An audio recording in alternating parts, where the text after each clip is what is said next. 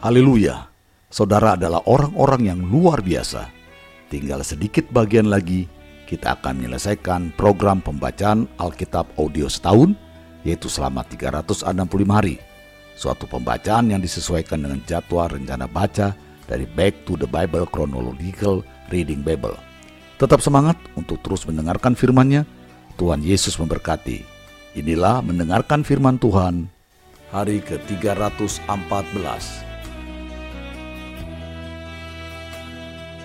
Lukas pasal 22 Hari Raya Roti Tidak Beragi yang disebut Paskah sudah dekat. Imam-imam kepala dan ahli-ahli Taurat mencari jalan bagaimana mereka dapat membunuh Yesus, sebab mereka takut kepada orang banyak. Maka masuklah iblis ke dalam Yudas yang bernama Iskariot, seorang dari kedua belas murid itu.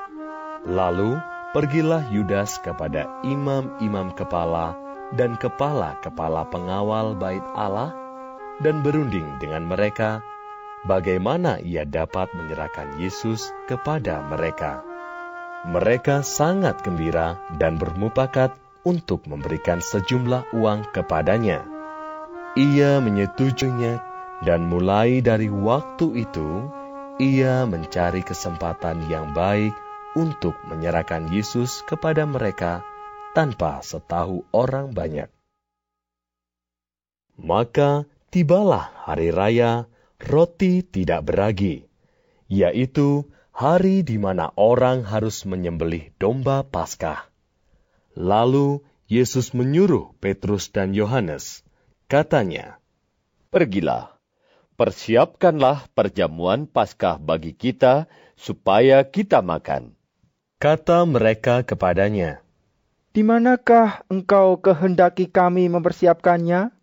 Jawabnya, Apabila kamu masuk ke dalam kota, kamu akan bertemu dengan seorang yang membawa kendi berisi air. Ikutilah dia ke dalam rumah yang dimasukinya, dan katakanlah kepada tuan rumah itu, Guru bertanya kepadamu, di manakah ruangan tempat aku bersama-sama dengan murid-muridku akan makan Paskah? Lalu orang itu akan menunjukkan kepadamu sebuah ruangan atas yang besar yang sudah lengkap, di situlah kamu harus mempersiapkannya. Maka berangkatlah mereka, dan mereka mendapati semua seperti yang dikatakan Yesus kepada mereka. Lalu mereka mempersiapkan Paskah.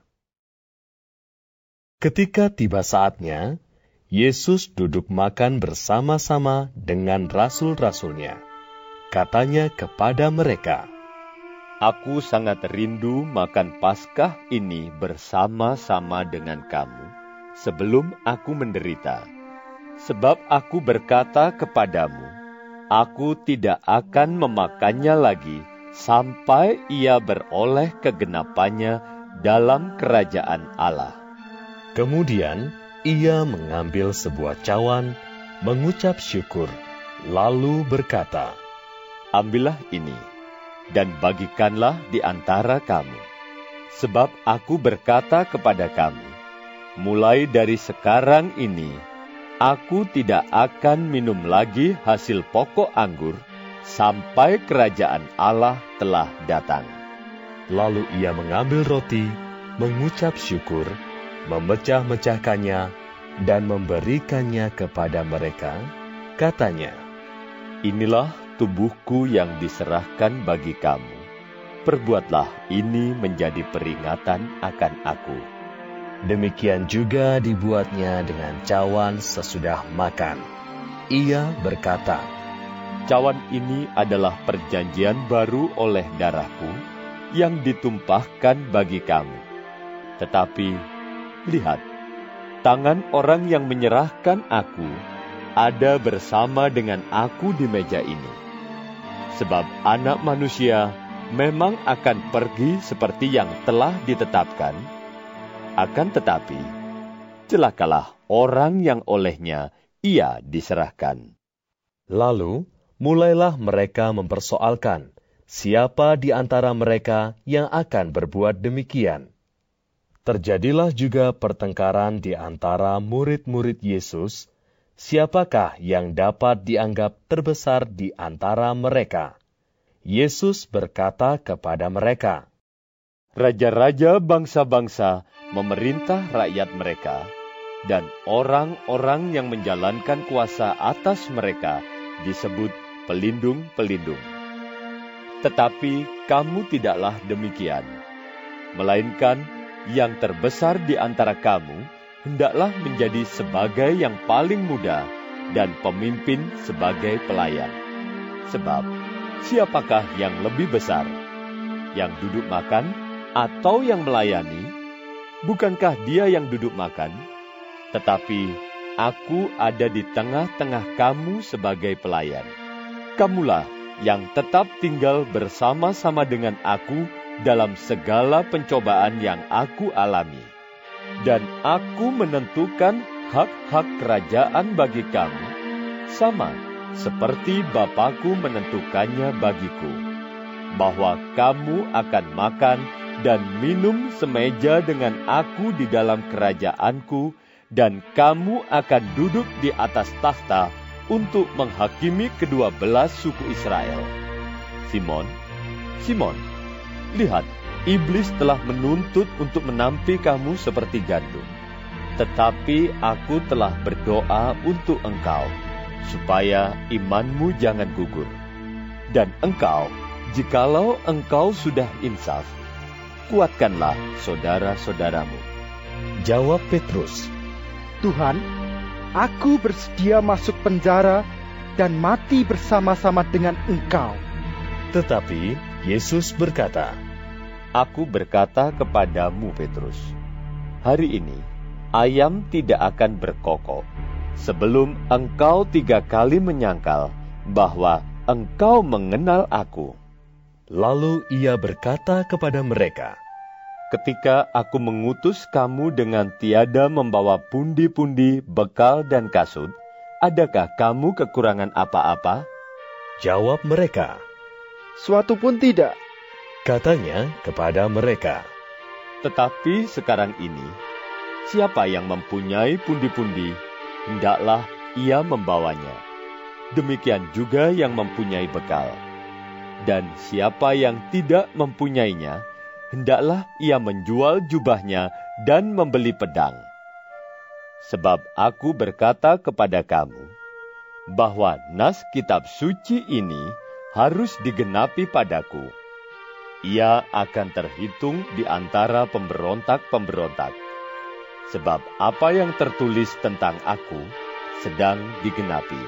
Kata mereka, Tuhan, ini dua pedang. Jawabnya, Sudah, cukup. Lalu pergilah Yesus keluar kota, dan sebagaimana biasa, ia menuju Bukit Zaitun. Murid-muridnya juga mengikuti dia.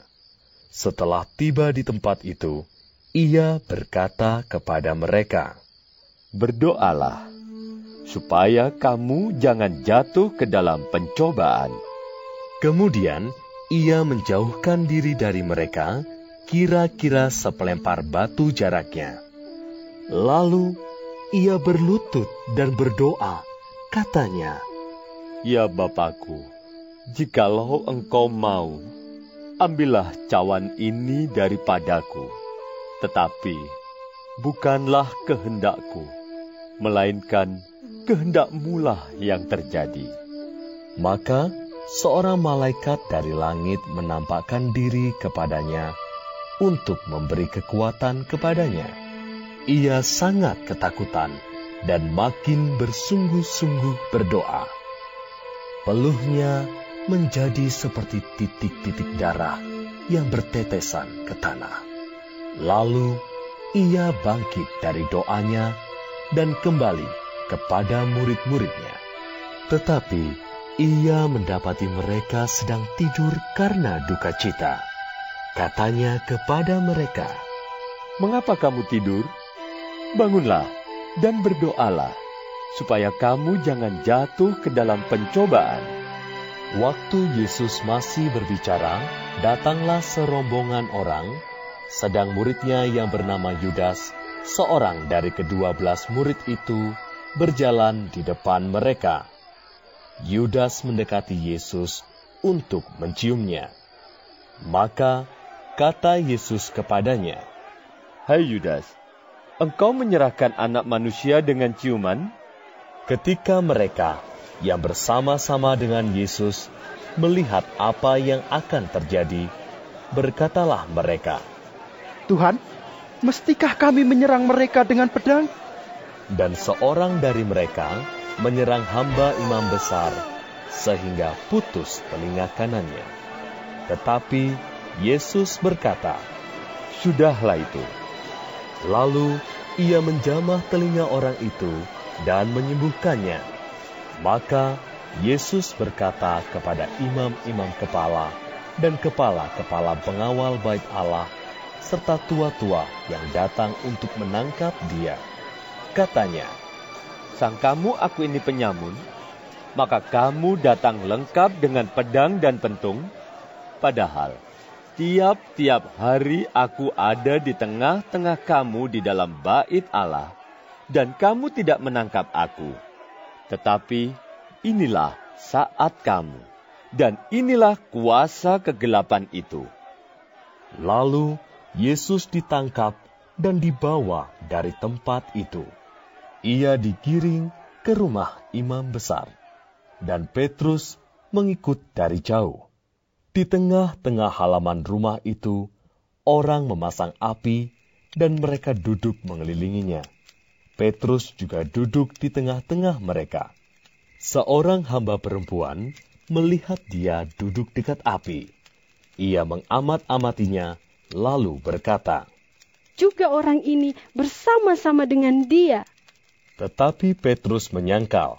Katanya, Bukan, aku tidak kenal dia. tidak berapa lama kemudian, seorang lain melihat dia, lalu berkata, Engkau juga seorang dari mereka. Tetapi Petrus berkata, Bukan, aku tidak. dan kira-kira sejam kemudian, seorang lain berkata dengan tegas, Sungguh, orang ini juga bersama-sama dengan dia, sebab ia juga orang Galilea. Tetapi Petrus berkata, Bukan, aku tidak tahu apa yang engkau katakan. Seketika itu juga, sementara ia berkata, berkokoklah ayam. Lalu berpalinglah Tuhan memandang Petrus. Maka teringatlah Petrus bahwa Tuhan telah berkata kepadanya, Sebelum ayam berkokok pada hari ini, engkau telah tiga kali menyangkal aku. Lalu ia pergi keluar dan menangis dengan sedihnya. Dan orang-orang yang menahan Yesus mengolok-olokkan dia dan memukulinya. Mereka menutupi mukanya dan bertanya, Cobalah katakan siapakah yang memukul engkau. dan banyak lagi hujat yang diucapkan mereka kepadanya. Dan setelah hari siang, berkumpullah sidang para tua-tua bangsa Yahudi dan imam-imam kepala dan ahli-ahli Taurat, lalu mereka menghadapkan dia ke mahkamah agama mereka, katanya, Jikalau engkau adalah Mesias, katakanlah kepada kami. Jawab Yesus, Sekalipun aku mengatakannya kepada kamu, namun kamu tidak akan percaya. Dan sekalipun aku bertanya sesuatu kepada kamu, namun kamu tidak akan menjawab. Mulai sekarang, anak manusia sudah duduk di sebelah kanan Allah yang Maha Kuasa. kata mereka semua. Kalau begitu, engkau ini anak Allah? Jawab Yesus, Kamu sendiri mengatakan bahwa akulah anak Allah. lalu kata mereka, Untuk apa kita perlu kesaksian lagi? Kita ini telah mendengarnya dari mulutnya sendiri. Yohanes pasal 13 Sementara itu sebelum hari raya Paskah mulai, Yesus telah tahu bahwa saatnya sudah tiba untuk beralih dari dunia ini kepada Bapa. Sama seperti ia senantiasa mengasihi murid-muridnya, demikianlah sekarang ia mengasihi mereka sampai kepada kesudahannya. Mereka sedang makan bersama dan iblis telah membisikkan rencana dalam hati Yudas Iskariot, anak Simon, untuk mengkhianati dia. Yesus tahu bahwa Bapaknya telah menyerahkan segala sesuatu kepadanya dan bahwa ia datang dari Allah dan kembali kepada Allah. Lalu bangunlah Yesus dan menanggalkan jubahnya. Ia mengambil sehelai kain lenan dan mengikatkannya pada pinggangnya. Kemudian ia menuangkan air ke dalam sebuah basi dan mulai membasuh kaki murid-muridnya, lalu menyekanya dengan kain yang terikat pada pinggangnya itu. Maka sampailah ia kepada Simon Petrus. Kata Petrus kepadanya, Tuhan, engkau hendak membasuh kakiku? Jawab Yesus kepadanya, apa yang kuperbuat, engkau tidak tahu sekarang, tetapi engkau akan mengertinya kelak. Kata Petrus kepadanya, Engkau tidak akan membasuh kakiku sampai selama-lamanya. Jawab Yesus, Jikalau aku tidak membasuh engkau, engkau tidak mendapat bagian dalam aku. Kata Simon Petrus kepadanya, Tuhan, jangan hanya kakiku saja, tetapi juga tangan dan kepalaku. Kata Yesus kepadanya, Barang siapa telah mandi, ia tidak usah membasuh diri lagi selain membasuh kakinya, karena ia sudah bersih seluruhnya. Juga kamu sudah bersih, hanya tidak semua. Sebab ia tahu siapa yang akan menyerahkan dia. Karena itu ia berkata, Tidak semua kamu bersih. Sesudah ia membasuh kaki mereka, ia mengenakan pakaiannya dan kembali ke tempatnya. Lalu ia berkata kepada mereka, Mengertikah kamu apa yang telah kuperbuat kepadamu? Kamu menyebut aku guru dan Tuhan, dan katamu itu tepat sebab memang akulah guru dan Tuhan. Jadi jikalau aku membasuh kakimu, aku yang adalah Tuhan dan gurumu, maka kamu pun wajib saling membasuh kakimu, sebab aku telah memberikan suatu teladan kepada kamu, supaya kamu juga berbuat sama seperti yang telah kuperbuat kepadamu. Aku berkata kepadamu, sesungguhnya seorang hamba tidaklah lebih tinggi daripada tuannya, ataupun seorang utusan daripada dia yang mengutusnya. Jikalau kamu tahu semua ini, maka berbahagialah kamu jika kamu melakukannya. Bukan tentang kamu semua aku berkata. Aku tahu siapa yang telah kupilih. Tetapi haruslah genap nas ini. Orang yang makan rotiku telah mengangkat tumitnya terhadap aku aku mengatakannya kepadamu sekarang juga, sebelum hal itu terjadi, supaya jika hal itu terjadi, kamu percaya bahwa akulah Dia. Aku berkata kepadamu, sesungguhnya barang siapa menerima orang yang kuutus, ia menerima aku, dan barang siapa menerima aku, ia menerima Dia yang mengutus aku. Setelah Yesus berkata demikian, ia sangat terharu, lalu bersaksi, Aku berkata kepadamu, sesungguhnya seorang di antara kamu akan menyerahkan aku. Murid-murid itu memandang seorang kepada yang lain. Mereka ragu-ragu, siapa yang dimaksudkannya. Seorang di antara murid Yesus, yaitu murid yang dikasihinya, bersandar dekat kepadanya di sebelah kanannya. Kepada murid itu Simon Petrus memberi isyarat dan berkata, Tanyalah, siapa yang dimaksudkannya? Murid yang duduk dekat Yesus itu berpaling dan berkata kepadanya, Tuhan, siapakah itu? Jawab Yesus, Dialah itu, yang kepadanya aku akan memberikan roti sesudah aku mencelupkannya. Sesudah berkata demikian, ia mengambil roti, mencelupkannya dan memberikannya kepada Yudas, anak Simon Iskariot. Dan sesudah Yudas menerima roti itu, ia kerasukan iblis. Maka Yesus berkata kepadanya, Apa yang hendak kau perbuat? Perbuatlah dengan segera. Tetapi tidak ada seorang pun dari antara mereka yang duduk makan itu mengerti apa maksud Yesus mengatakan itu kepada Yudas. Karena Yudas memegang kas, ada yang menyangka bahwa Yesus menyuruh dia membeli apa-apa yang perlu untuk perayaan itu, atau memberi apa-apa kepada orang miskin. Yudas menerima roti itu, lalu segera pergi. Pada waktu itu, hari sudah malam. Sesudah Yudas pergi, berkatalah Yesus, Sekarang anak manusia dipermuliakan dan Allah dipermuliakan di dalam dia. Jikalau Allah dipermuliakan di dalam dia, Allah akan mempermuliakan dia juga di dalam dirinya, dan akan mempermuliakan dia dengan segera.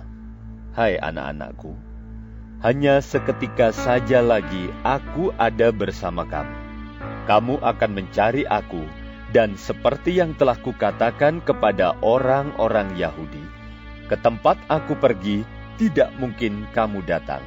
Demikian pula aku mengatakannya sekarang juga kepada kamu. Aku memberikan perintah baru kepada kamu, yaitu supaya kamu saling mengasihi. Sama seperti aku telah mengasihi kamu, demikian pula kamu harus saling mengasihi. Dengan demikian, semua orang akan tahu bahwa kamu adalah murid-muridku, yaitu jikalau kamu saling mengasihi. Simon Petrus berkata kepada Yesus, Tuhan, ke manakah engkau pergi? Jawab Yesus, Ke tempat aku pergi, engkau tidak dapat mengikuti aku sekarang. Tetapi kelak, engkau akan mengikuti aku. Kata Petrus kepadanya, Tuhan, mengapa aku tidak dapat mengikuti engkau sekarang? Aku akan memberikan nyawaku bagimu. Jawab Yesus, Nyawamu akan kau berikan bagiku? Sesungguhnya, aku berkata kepadamu, sebelum ayam berkokok, engkau telah menyangkal aku tiga kali. Tetap semangat untuk terus mendengarkan firman-Nya. Tinggal beberapa waktu lagi kita akan segera menyelesaikannya. Sampai jumpa esok hari. Tuhan Yesus memberkati.